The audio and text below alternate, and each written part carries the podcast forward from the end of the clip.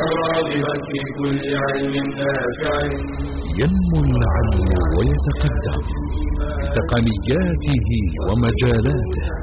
ومعه نطور أدواتنا في تقديم العلم الشرعي. أكاديمية زاد. زاد أكاديمية ينبوعها.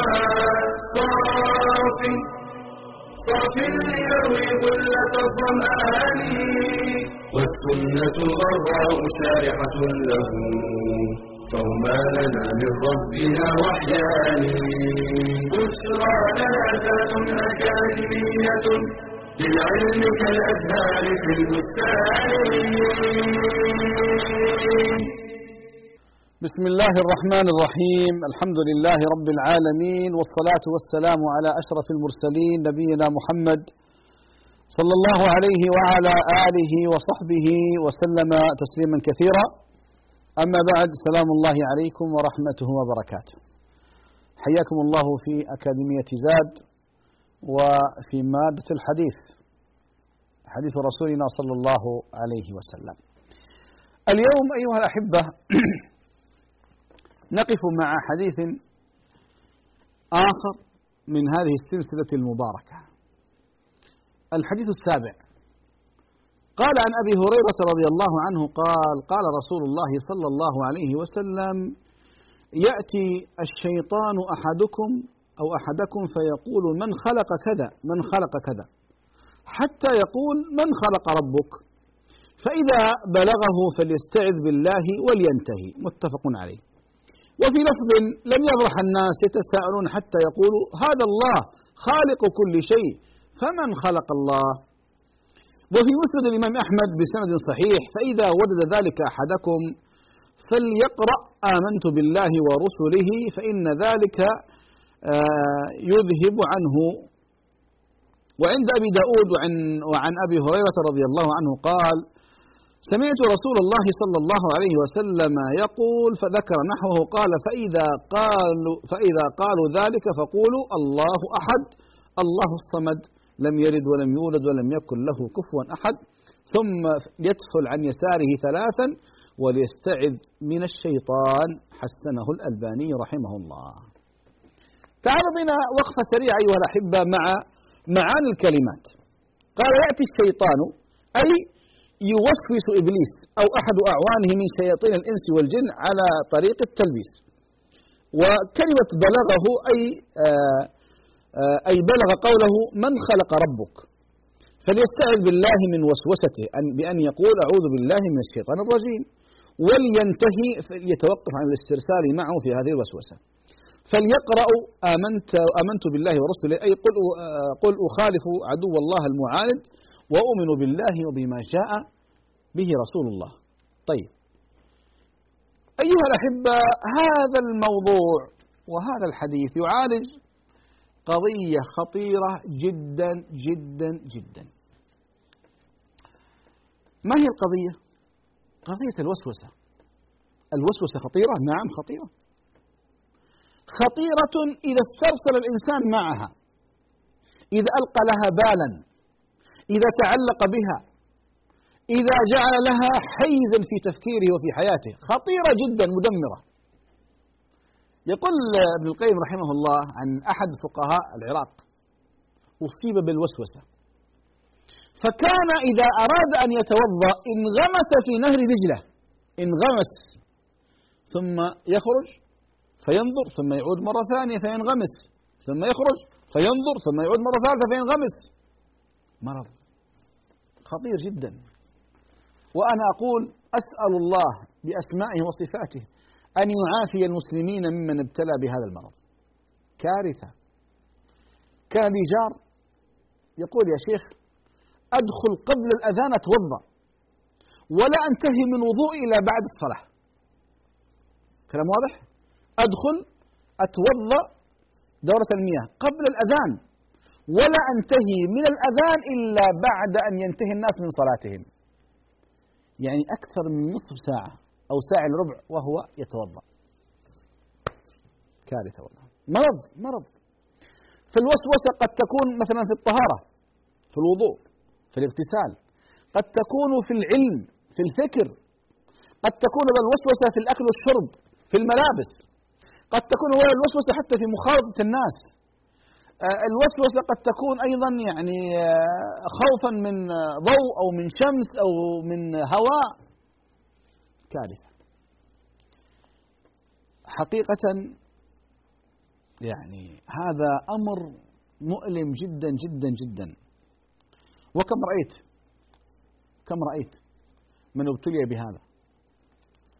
وبعضهم كان يتمنى أن يموت بس يرتاح. لا ليل وليل ولا نهار ونهار. لا يقدر يأكل لا يقدر يشرب لا يقدر ينام لا يقدر يخالط الناس لا يقدر يعيش حياة طبيعية. مع الأسف. طيب. الناس أمام هذا المرض سلكوا جانبين. جانب الطب الشرعي الطب النبوي وأهملوا الطب المادي. بعض الناس حتى يعالج قضية الوسوسة قال يا أخي الرقية الرقية الرقية الرقية. طيب على عيني وراسي. أنا معك في هذا. لكن يا أخي أين الجانب الطبي النفسي؟ الآن الجانب الطبي يا أخواني وصل مواصيل متقدمة جدا. بعض الناس لا يغفل الجانب الشرعي وعليه بالجانب الطبي. عندنا أطباء النفسية النفسانيين. طيب أنا مع ولا ضد؟ أنا مع الاثنين. أنا مع الاثنين.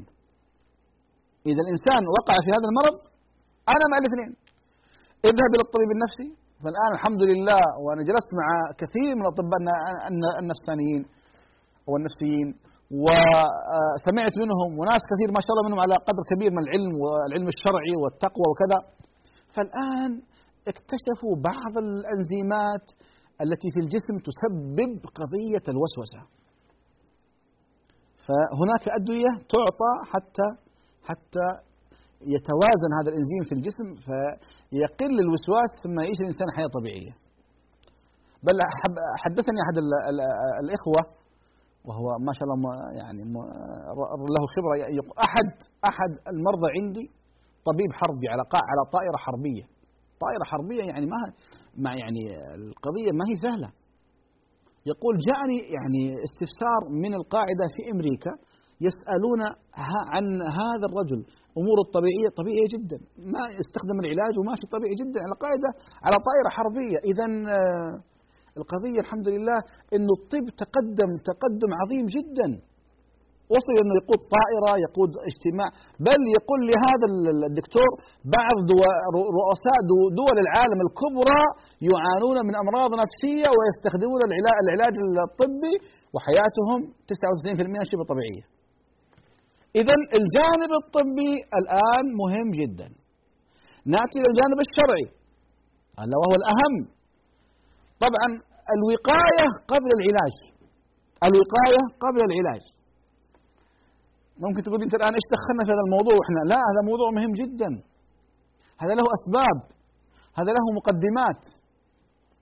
من ضمنها وسوسة الشيطان. فيبدأ الإنسان في وسوسة في الدين أو في الطهارة فإذا وقع في هذا بدأ تزل به القدم. خطوة خطوة خطوة ويصبح الوسواس عنده يعني في أشياء كثيرة جدا. في الصلاة في الطهارة في الدين في العقيدة في اليوم الآخر في الغيب في القبر. أنا رأيت هذا كثير. إذا أحبتي في الله أولا لابد أن نعرف أن عندنا شيطان يتربص بنا. وقد أخذ على نفسه الوعد. وقال ربي بما أغويتني لأقعدن لهم صراطك المستقيم ثم لآتينهم من بين أيديهم ومن خلفهم وعن أيمانهم وعن شمائلهم ولا تجد أكثرهم شاكرين. قال اخرج منها مذءوما مدحورا لمن تبعك منهم لأملأن جهنم منكم أجمعين. الله يقول إن كيد الشيطان كان ضعيفا. تخيلوا هذا الشيطان اللي له آلاف السنين آلاف مؤلفة من السنين ها؟ ومع ذلك الله ماذا يقول؟ إن كيد الشيطان كان ضعيفا. إذا نبدأ الآن في الخطوة الأولى، الخطوة الأولى والكارثية قضية الوسوسة في أمور الدين. الوسوسة في أمور الدين. طيب. آه يجيني بعض الشباب يقول يا شيخ أنا وأنا كنت يعني عامي مسرف على نفسي في الذنوب والمعاصي ما كنت أجد هذه الوساوس. فلما التزمت واهتديت وطبقت ديني بدأت تأتيني قلت شيء طبيعي قال طبيعي قلت نعم طبيعي. وذكرت له ذكرت له آه، موقف طريف للشيخ الشعراوي رحمة الله عليه. الشيخ محمد متولي الشعراوي. أذكر قال مرة في أحد الدروس وبلهجته العامية الجميلة المصرية فقال آه، الحضور قال للشيطان بيذهب للسيمة ولا للمسجد؟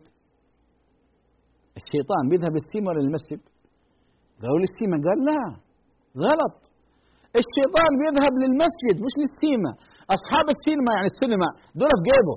خلاص منتهين. هو عاوز حقين المسجد. فهمتوا؟ ولذلك الشيطان حريص. بعض الناس يكون بعيد عن الدين ما يجد أي وسوسة. فلما يبدأ يصلي ويصوم وكذا ويقبل على الله هذا اللي ما يبغاه الشيطان. فيبدأ الشيطان يتسلط عليه يتسلط عليه. يوسوس له في أشياء كثيرة حتى يبعده. وترى يا أخوان انتبهوا ترى هي مرة بس مرحلية فقط. فترة مرحلية فإذا ثبت خلص الشيطان. فهو يحاول معك يحاول معك يحاول معك حتى يردك. فإذا ردك خلاص. إذا ما إذا ما قدر خلاص يبدأ يدور على طريقة ثانية. فإنما كما قال إنما الصبر عند الصدمة الأولى. نصبر شوي نتجاوز هذه المرحلة. الصحابة رضوان الله عليهم جاءوا يا رسول صلى الله عليه وسلم يشتكون.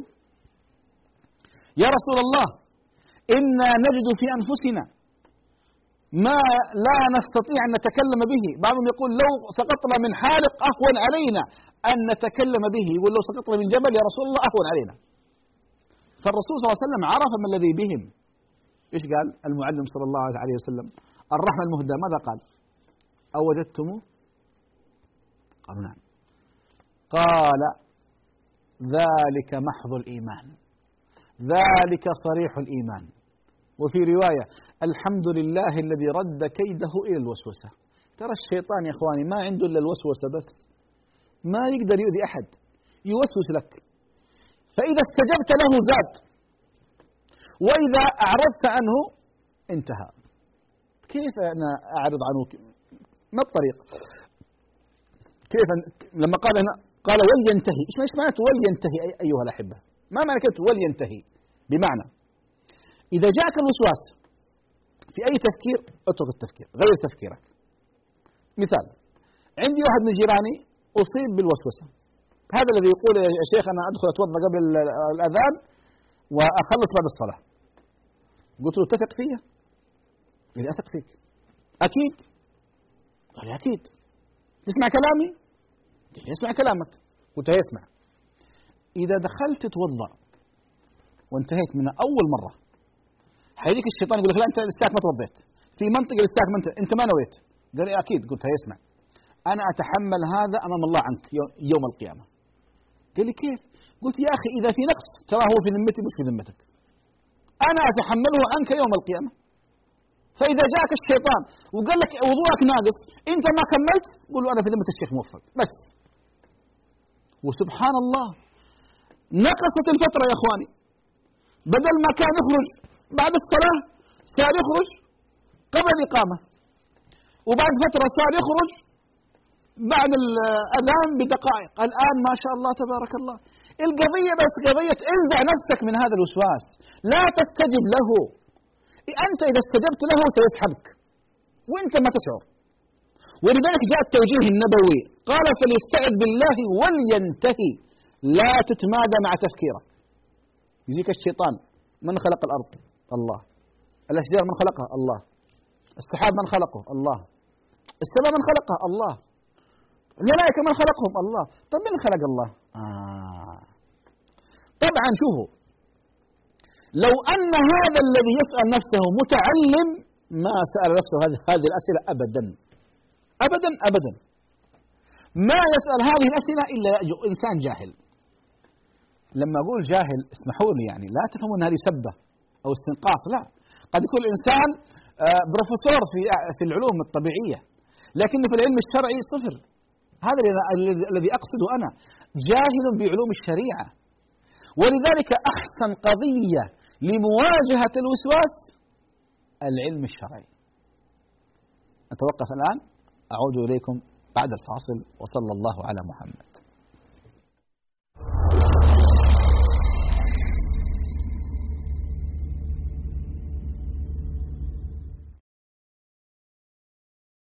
قد خلت من قبلكم سنن فسيروا في الأرض فانظروا كيف كان عاقبة المكذبين. التاريخ مخزن العبر ومعلم الأمم فيه أخبار السابقين الأول وأسباب التمكين وزوال الدول. من اعتبر بدروسه نجا ومن تعامى عن حوادثه هوى. وقد عني القرآن بذكر الكثير من القصص والتنويع في أحداثها لتوجيه الأنظار إلى الاعتبار بأحوال الأمم في كفرهم وإيمانهم وشقاوتهم وسعادتهم. فلا شيء يهدي الإنسان كالمثولات والوقائع. قال تعالى فاقصص القصص لعلهم يتفكرون.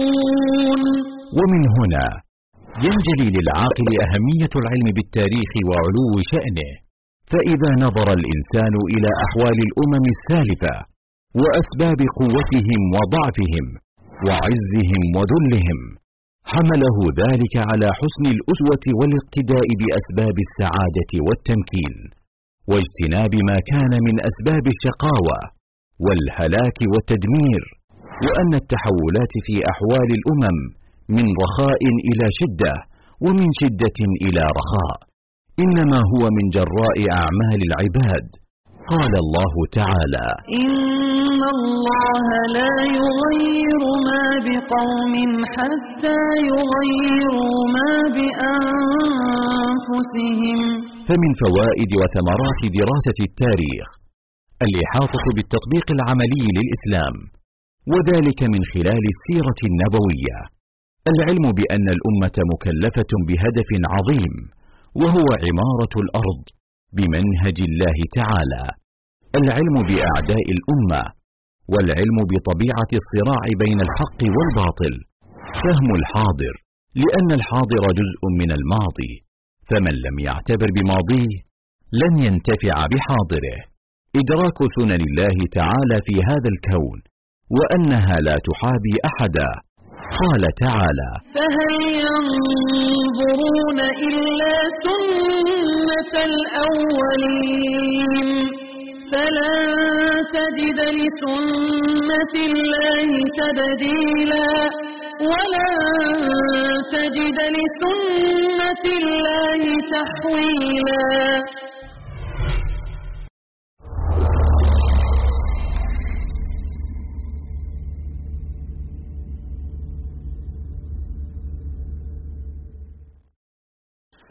الله الرحمن الرحيم. الحمد لله والصلاة والسلام على رسول الله. وبعد. قلت أيها الأحبة قبل الفاصل العلم الشرعي بعد توفيق الله سبحانه وتعالى هو النجاة من هذه الوساوس. لأن المتعلم لأن العالم إذا جاءه الشيطان من أي مدخل سيجد هذا المدخل مقفل. وبالتالي سيتسلط على ضعاف العلم على قليلي العلم. فيأتيهم بوساوس ويأتيهم بشبه فما يعرف لها حل فيسقط. وأنا مر علي كثير من هذا. مر علي كثير من الشباب الذين مساكين جاءت عندهم بعض الإشكاليات أو بعض الشبهات أو بعض الأسئلة ما عرفوا يحلونها. فوقعوا في مشكلة فعلا. إذا العلم الشرعي بعد توفيق الله سبحانه وتعالى هو النجاة من هذه الوساوس. فإذا جاءك بأي شبهة أنت متعلم أنت عالم خلاص هذه الشبهة تقفل دونها. إذا استطردت فيها سحبك الشيطان خطوة خطوة خطوة حتى تفاجأ وأنت وقد انغمست في هذه الشبهات. إذا أحبتي في الله أحبتي في الله العلم العلم الشرعي. ثم طب تقول العلم العلم كثير علم كثير صحيح. لكن علم الكتاب والسنة وكذلك العلوم العقلية. العلوم العقلية. هل الإسلام مهتم بها؟ نعم يهتم بها. الإسلام مهتم بالعلوم العقلية؟ نعم. القرآن كثير منه علوم عقلية. اطلعت على رسالة ماجستير بعنوان الأدلة العقلية النقلية على أصول الاعتقاد. سجلوا هذا العنوان. الأدلة العقلية النقلية على أصول الاعتقاد. على الإيمان بالله وملائكته وكتبه ورسله واليوم الآخر والقدر خيره وشره. فالقرآن كله أدلة عقلية. لأن بعض الناس آه، قد له بالقرآن الصريح يقول لك يا أخي أنا عندي عندي أصلا عندي شك. طيب. فلما تأتي له بدليل عقلي آه ما يقدر يخالفك. سأضرب لك مثال. آه قول الله سبحانه وتعالى أم خلقوا من غير شيء أم هم الخالقون. في سورة الطور أم خلقوا من غير شيء أم هم الخالقون؟ هذه الآية واحدة فقط تدمر مبدأ الدهرية والطبائعيون الذين يقولون لا إله والحياة مادة. تخيلوا آية واحدة بس. ما معناها؟ خليكم معي. الله عز وجل ماذا يقول؟ أم خلقوا من غير شيء أم هم الخالقون؟ إذا عندنا جملتين. أم خلقوا من غير شيء. هل العدم يمكن أن يخلق؟ سؤال. العدم يمكن أن يخلق؟ مستحيل. العدم ما يخلق شيء. بدليل أنت الآن لما تجي الآن تحصل الأرض فاضية بعد فترة أن فيها عمارة. لو سألت واحد العمارة دي متى بنيت؟ قال والله يا أخي أنا ما أدري. فجأة نزلت من السماء. إيش تقول له؟ أنا مجنون. تكلم كلام صح. فأي حادث لابد له من محدث. فما في شيء ما يعني ما في شيء تقول العدم يخلق. ما في شيء. مستحيل. هذا الكتاب ما الذي أتى به؟ من جاء لا أنا جئت به. فالحادث لا بد له من محدث. هذه هذه بداهة. فالله سبحانه وتعالى ماذا يقول؟ أم خلقوا من غير شيء؟ هل العدم خلقهم؟ لا. طيب. أم هم الخالقون؟ هل أنتم خلقتم أنفسكم؟ لا. إذا ما النتيجة؟ إذا العدم ما خلق. وإذا أنت ما خلقت نفسك المحصلة لا بد من وجود خالق. هو الله سبحانه وتعالى. بس انتهت المشكلة. آية واحدة بس. آية واحدة تبين أن هؤلاء الذين يزعمون الملاحدة وأنه ما في إله وأن الكون خلق نفسه وين عقلك؟ أنت مسكين أنت. القلم هو القلم ما يقدر يخلق نفسه. أنت ما تقدر تخلق نفسك. هي اسمعوا الطرفة هذه. اسمعوا الطرفة هذه. أبو حنيفة رحمه الله ناظر مجموعة من الطبائعيين الدهريون الذين يقولون ما في إله وأن الطبيعة خلقت نفسها كما يزعم ترى بعض الناس الآن في هذا الزمان. أبو حنيفة رحمه الله أوتي يعني عقل وذكاء. ناظرهم ناظرهم يلفون يمين يلفون يسار فأراد أراد إيش؟ أن يقنعهم بالدليل العقلي. اسمحوا لي أنا سأرويها لكم بشيء من الفكاهة والدعابة لكن معناها صحيح. فتواعد معهم أن يناظرهم خلف دجلة. خلف نهر دجلة. الكلام ده كان في العراق. المهم ذهبوا في الموعد المحدد. آه، أبو حنيفة رحمه الله مكث في بيته فترة طويلة. وهم انتظروه وانتظروا وملوا من الانتظار. وفي آخر المطاف وإذا بأبي حنيفة يأتي. فغضبوا عليه. كيف تتأخر؟ كيف توعدنا وكيف ما تجي؟ وبدوا ينهدون عليه في الكلام. قال يا قوم على رسلكم على رسلكم.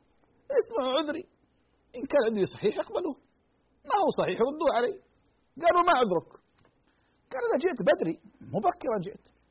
لكني وقفت على نهر دجلة بحثت عن سفينة عن قارب عن من ينقل لي. يقول ما وجدت. يقول أنا فجأة أنتظر أنتظر. قال وفجأة وإذا بالأشجار تتكسر. من حالها. ثم اصطفت بجانب بعضها. قال وإذا بحبال تخرج من الماء فتربط هذه الأشجار. قال فإذا بسارية تنزل من السماء. قال فإذا بشراع يخرج من الأرض. قال وفجأة وإذا بها قارب سفينة أمامي. سبحان الله! يقول.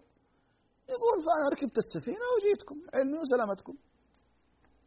فأخذوا يستهزئون به ويضحكون عليه. يعني أنت أبو حنيفة تبغانا نصدق هذا الكلام؟ قال ما تصدقون. قال ما نصدق. عقلك أنت ممكن كذا قال أبدا ما تصدقون السفينة؟ قالوا مستحيل. قال سبحان الله الحين أنتم تزعمون أن هذه الدنيا وهذه الأرض وهذه السماوات خلقت نفسها وتكذبون أن قاربا يخلق نفسه. الله كل واحد طالع في الثاني. والله كلامه صح. وإذا بهم يعودون معه وقد دخلوا في الإسلام هذا دليل عقلي بسيط دليل عقلي بسيط يعني ما يمكن ما يمكن ابدا أيها الأحبة لأكبر الملاحدة والفلاسفة والمناطق والذين أوتوا البيان أن يأتي بدليل واحد على عدم وجود الخالق سبحانه. كلها وساوس. ولذلك النبي صلى الله عليه وسلم قال فليستعذ بالله ولينتهي وليدفل عن يساره كما جاء في بعض الروايات. هذا كله من الشيطان. هذه الوساوس من الشيطان. يجي الشيطان من خلق من خلق من خلق الله؟ لا يا حبيبي. الله ما يخلق. طيب خلونا نتنزل مع بعض الوساوس. الله الله مخلوق مخلوق. طيب نعبد اللي خلقه. ذهبنا اللي خلق الله. تعال. اللي خلق الله مخلوق؟ طب نذهب اللي خلق اللي خلق الله. طب روح الثالث. لا نسأل اللي خلق اللي خلق اللي خلق. آه. العلماء والمناطق هذا هذا اسمه التسلسل وهذا عقليا لا يقبل. فإذا هذا الكون لا بد له من خالق. صنع الله الذي أتقن كل شيء. ذلك النبي صلى الله عليه وسلم ماذا قال؟ كان الله ولم يكن شيء غيره ولم يكن شيء معه فخلق كل شيء. ثم وكان عرشه على الماء فخلق القلم وقال اكتب قال ما اكتب؟ قال اكتب مقادير كل شيء إلى قيام الساعة. فجرت الأقلام بكل شيء إلى قيام الساعة. اذا الله هو الذي خلق كل شيء. ما في شيء يخلق نفسه ابدا. ولذلك الاعرابي لما سألوه هل تؤمن بوجود الله؟ قال نعم. قالوا ما دليلك؟ قال البعرة تدل على البعير والأثر يدل على المسير. فليل داج وسماء ذات أبراج وأرض ذات فجاج ألا تدل على السميع البصير؟ بلى والله. هذه الدنيا وما فيها. هذا الإتقان. الأكسجين يتكون من نقطتين آه، آه، نيتروجين أو أكسجين و H2O كما يسمونها. الإبداع في الكون الإبداع في يا أخي يعني الإنسان ينظر في نفسه. وفي أنفسكم أفلا تبصرون؟ سنريهم آياتنا في الآفاق. وفي أنفسهم حتى يتبين لهم أنه الحق. وفي كل شيء له آية تدل على أنه الواحد. فيا عجبا كيف يعصى الإله؟ أم كيف يجحده الجاحد؟ آيات الله مبثوثة في الكون. آيات الله قسمين. آيات كونية وآيات شرعية. آيات الشرع في القرآن. فأهل الإيمان يقرؤون القرآن فيزدادون إيمانا. طيب اللي عنده شبهة؟ انظر في الكون انظر في الكون تأمل في نبات الأرض وانظر. إلى آثار ما صنع المليك عيون من لجين شاخصات بأحداق هي الذهب السبيك على قضب الزبرج شاهدات بأن الله ليس له شريك. الله أكبر. هذه أبيات قيل قيل أن أبا نواس رؤي في المنام. أبو نواس معروف من هو؟ فقالوا ماذا صنع الله بك؟ قال غفر لي وأدخلني الجنة. قالوا بماذا؟ قال بأبيات كتبتها تحت وسادتي. طبعا هذه أحلام أو رؤى يعني كالزهرة تشم ولا تعك يعني لا نحكم بلا بجنة ولا بنار. فذهبوا إلى مخدعي فوجدوا هذا القرطاس في ثلاث أبيات التي ذكرتها لكم وهو يصف زهرة وردة. تأمل في نبات الأرض وانظر. إلى آثار ما صنع المليك عيون من لجين شاخصات بأحداق. هي الذهب السبيك على قضب الزبرد شاهدات بأن الله ليس له شريك. سبحانه جل في علاه. الكون مملوء بالآيات. ولذلك أيها الأحبة أعظم طريق بعد توفيق الله سبحانه وتعالى وبعد الدعاء والاستعانة بالله لإزالة هذه الوساوس العلم الشرعي. ونتكلم في إيش؟ الوساوس الفكرية العقلية. الوساوس التي تسألك عن اليوم الآخر والجنة والنار والإيمان بالغيب وعذاب القبر. هذه كلها تأتي عن بعد توفيق الله العلم. تعلم العلم. إذا تعلمت العلم بإذن الله بعد فترة من الزمان ستضحك على نفسك. تقول ليش أنا كنت مغفل؟ ليش الشيطان كان يضحك علي؟ لماذا أيها الأحبة؟ لأن الإنسان عدو ما يجهل. شيء من العلم بسيط وإذا بك تتفتح أساريرك وعقلك وفكرك فما يستطيع عليك الشيطان أبدا. ولذلك أيها الأحبة الشيطان ما يأتي إلا عند ضعاف النفوس ضعاف العلم الجهلة. الآن يعني فعلا نسمع عن بعض الملاحدة وبعض الناس الذين صدقوني بدايتهم شبه. هذه الشبه تراكمت تراكمت تراكمت حتى انفجروا. قصة. جاءني شاب في المسجد بعد صلاة الجمعة. كان مضطرب. يعني حتى جلسته حتى كلامه فيه اضطراب عدم ثبات. قال لي يا شيخ أنا عندي مشكلة. أنا أبغى أتكلم بس ماني قادر. أنا عندي أنا كيف أنا قلت له فهمت أنا من الكلام. قلت عندك مشكلة في الوسوسة. قال أيوه أيوه في الوسوسة. قلت يعني عندك مشكلة في في الله وفي أسمائه وصفاته. قال أيوه أيوه هذه مسكين ما هو قادر ينطق. قلت يا أخي ظننت عندك شيء يعني له قيمة. قال يا شيخ والله أنا ما أنام الليل. والله يا شيخ أنا كنت ما عاد أصلي. كنت ادخل أخرج من الإسلام. قلت ليش؟ قال لي الله كيف هو موجود؟ كيف خلق الله؟ كيف خلق الكون؟ كيف كيف كيف؟ قلت يا ابني هذه كلها أسئلة تافهة. قال لي تافهة؟ قلت ادفع من التافهة. قال لي كيف؟ صدقوني الجلسة يا إخواني ما أخذت عشر دقائق. أعطيته بعض الثوابت المهمة ها التي ينبغي أن يفهمها الإنسان. العقلية شو؟ العقلية. لما تجي عند إنسان عنده شبهة أو عند عند ملاحدة أعطهم أدلة عقلية. إذا كان الإنسان منصف عشر دقائق. قلت له ها إيش تقول؟ إيش رأيك؟ أمورك ماشية؟ قال لي الحمد لله. قلت له جاك الشيطان؟ قال لي ابدا ولا تجيني إن شاء الله. إذا جاني بجيك. قلت ما تحتاج تجيني يا ولد تعلم العلم الشرعي. هذه في أشياء ثوابت. الشيطان يأتيك لأنه ولد عندك فرصة ثغرة. فحاول إيش؟ أن يدخل عليك منها. قفل الثغرة هذه. نتعلم العلم. نقرأ القرآن السنة نقرأ كتب العلم. عندئذ لن يستطيع الشيطان أن يجد علينا ثغرة واحدة. صدقوني. العلم الشرعي بعد توفيق الله سبحانه جل في علاه. ولذلك احبتي في الله الله الله في العلم سواء كان العقلي أو الشرعي لا شك ان الشرعي هو الأهم. فاصل أيها الأحبة ثم نعود إليكم.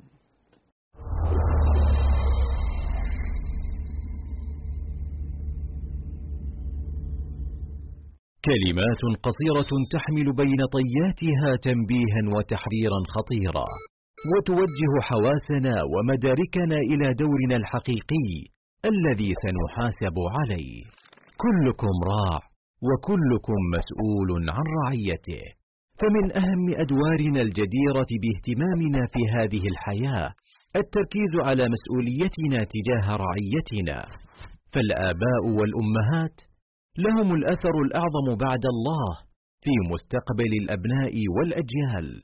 لذلك خصهم النبي صلى الله عليه وسلم بالذكر فقال والرجل راع في أهله وهو مسؤول عن رعيته والمرأة راعية في بيت زوجها ومسؤولة عن رعيتها. إن الأبناء زهرة الحياة وقرة أعين الآباء والأمهات وبصلاحهم ودعائهم ترفع الدرجات في الآخرة. ولكن يجب أن ندرك أن ذلك مرهون بحسن تربيتهم وصلاح نشأتهم. فهنا كان لزاما علينا البحث عن أبرع الطرقات وأفضل الأساليب في التربية والتوجيه ليكون أبناؤنا في قابل أيامهم مصدر بر وسعادة لنا وسواعد خير وبناء للمجتمع والإنسانية.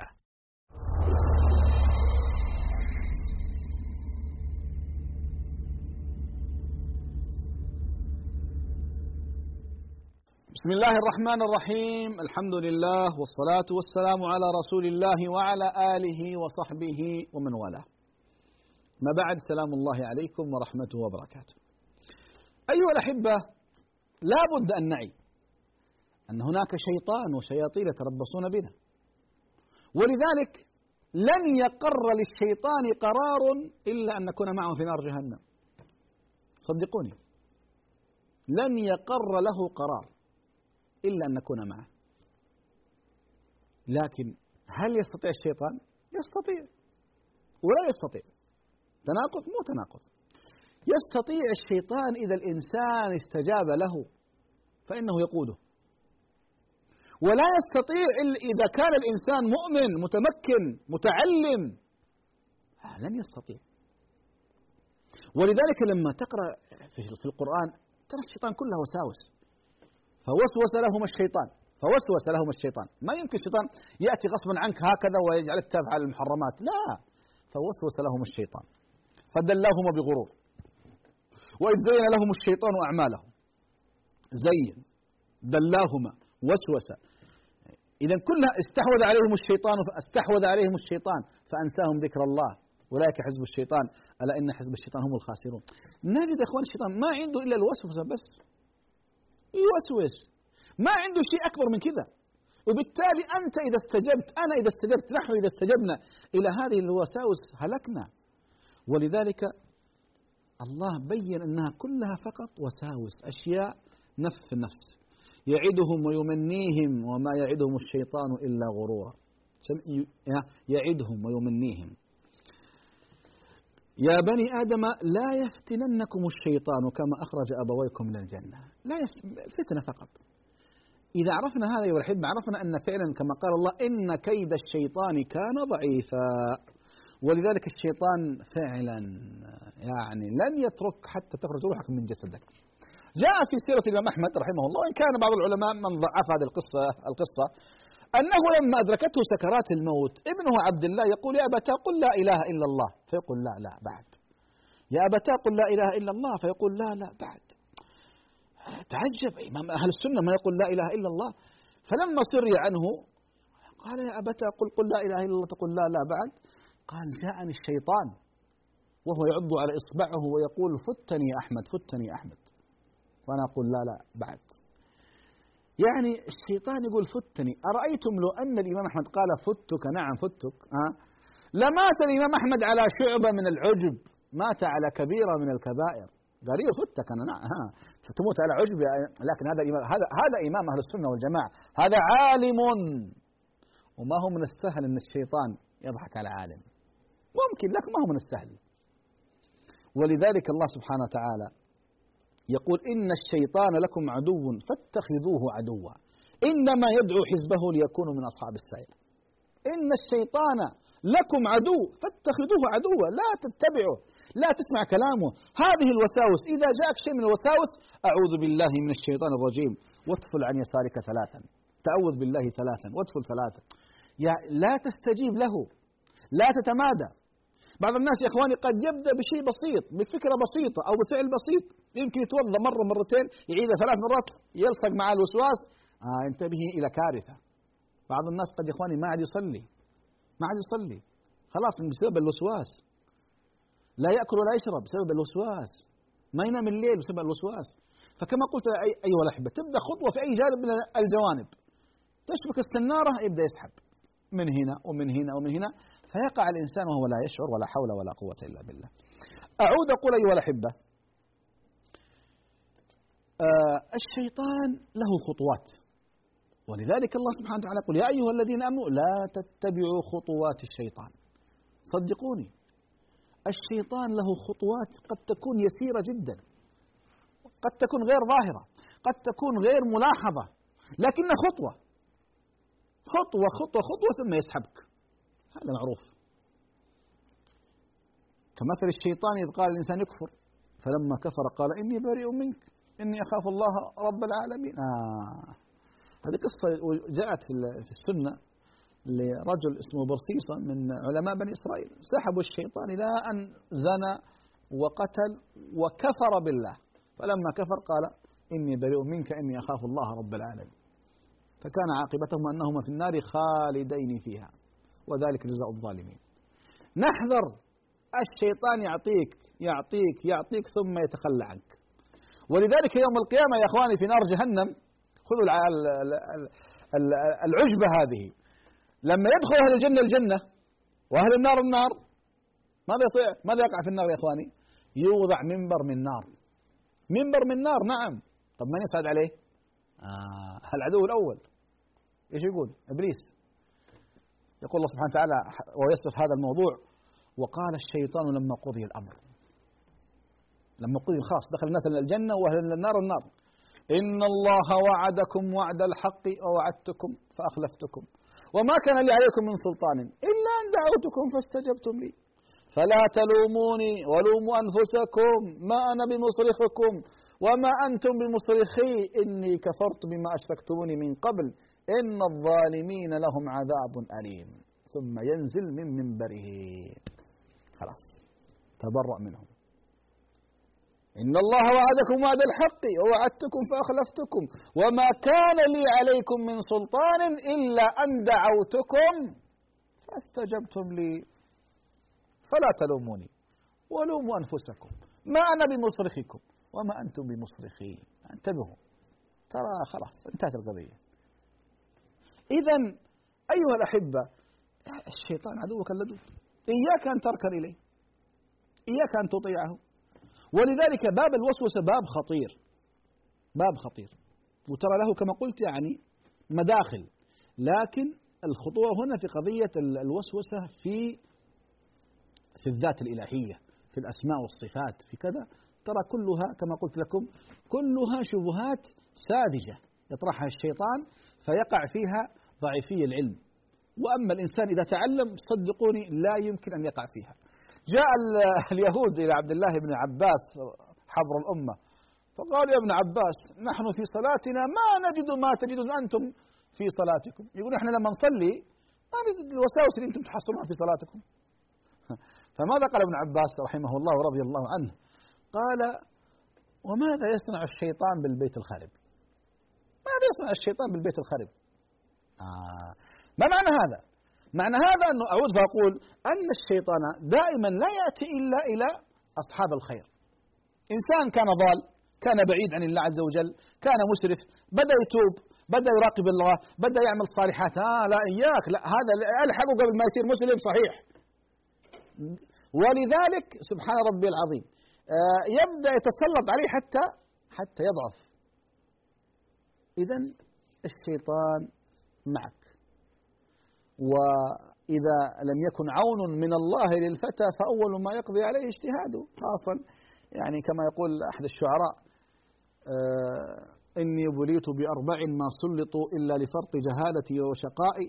إبليس والدنيا ونفسي والهوى كيف السبيل وكلهم أعدائي؟ إبليس والدنيا ونفسي والهوى. بدأ بإبليس. إن الشيطان لكم عدو فاتخذوه عدوا إنما يدعو حزبه ليكونوا من أصحاب السعير. أيها الأحبة الشيطان حريص في كل شيء. حتى الكلمة لابد أن تنتبه لها. وقل لعبادي يقول التي أحسن. إن الشيطان ينزغ بينهم. يعني ما يترك ما يترك. ولذلك أحبتي في الله يعني لما قال النبي صلى الله عليه وسلم لعائشة عن الشيطان كذا. قالت وأنت يا رسول الله لك شيطان؟ قال نعم. إلا أن الله أعانني عليه فأسلم. بمعنى أن الله سبحانه وتعالى وضع لكل إنسان منا شيطان. وملك. الملك يقوده إلى الخير والشيطان يقوده إلى الشر. فإذا الإنسان فعل الخير قاده الملك وإذا فعل الشر قاده الشيطان. حتى النبي معه شيطان نعم لكن الله عز وجل قال فأسلم. قالوا أسلم. أما أن إما أن يكون قد أسلم في الدين وإما أن الرسول أسلم من شره ومن وساوسه. فالشاهد أيها الأحبة العلم الشرعي بعد توفيق الله هو النجاة. جاء رجل إلى عبد الله بن عباس حبر الأمة يشتكي من هذا الوسواس. فقال ما ماذا أصنع؟ قال إذا جاءك الوسواس فاقرأ قول الله تعالى هو الأول والآخر والظاهر والباطن وهو بكل شيء عليم. يا سلام. دليل من أعظم الأدلة. هو الأول والآخر. هذا في سورة الحديد. ما معنى هذا؟ لما يجيك يقول من خلق من خلق من خلق. لحظة. الله ماذا قال عن نفسه؟ هو الأول. ما معنى الأول؟ النبي صلى الله عليه وسلم كان ماذا كان يقول في دعائه؟ اللهم أنت الأول فليس قبلك شيء. كان الله ولم يكن شيء غيره. وأنت الآخر فليس بعدك شيء.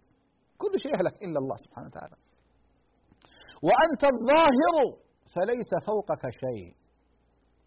وأنت الباطن فليس دونك شيء. إذا الأول ليس قبله شيء. كان الله ولم يكن شيء غيره. طيب هذا الكون متى؟ الله الذي خلقه لأن الله هو الأول. الله خالق كل شيء. ما فيه قبله شيء. يا أخي كيف ما فيه قبله شيء؟ الله كان الله ولم يكن شيء غيره. فنحن من خلق الله من إبداع الله من صنع الله عز وجل هو الذي خلقنا.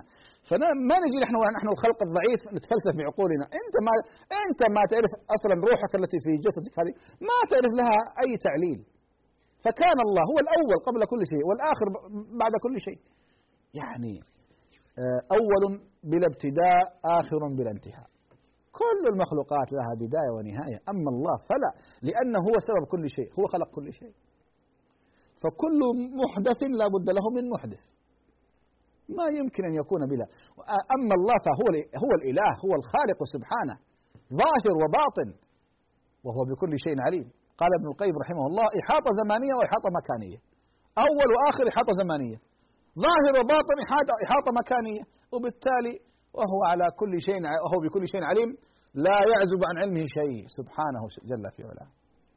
أحبتي في الله تذكروا أن الشيطان ليس عنده إلا الوسوسة فقط ليس غيرها شيء. إياكم أن تستجيبوا لها. بمجرد أن تأتيك أعوذ بالله من الشيطان الرجيم. وانتهي. لا تتبعها. تتبعها تسقط فيها. طيب مرة ثنتين ثلاث ليك دافعها.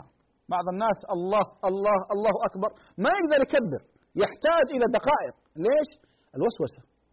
لا تلتفت الوسوسة مرة ثنتين تتجاوزها بإذن الله سبحانه وتعالى. العلم الشرعي أيها الأحبة العلم الشرعي العلم الشرعي. بعد الاستعانة بالله. أسأل الله سبحانه وتعالى بأسمائه وصفاته أن يحفظنا وإياكم من وساوس الشيطان ومن نزغاته ومن تزيينه وأن يرزقنا العلم النافع والعمل الصالح. وصلى الله على محمد وعلى آله وصحبه وسلم والحمد لله رب العالمين. يا راغبا في كل علم نافع متطلعا لزيادة الإيمان وتريد سهلا النوال ميسرا يأتيك ميسورا بأي مكان زاد زاد أكاديمية ينبوعها. صاف صاف ليروي غلة الظمآن. والسنة الغراء شارحة له. فهما لنا من ربنا وحيان.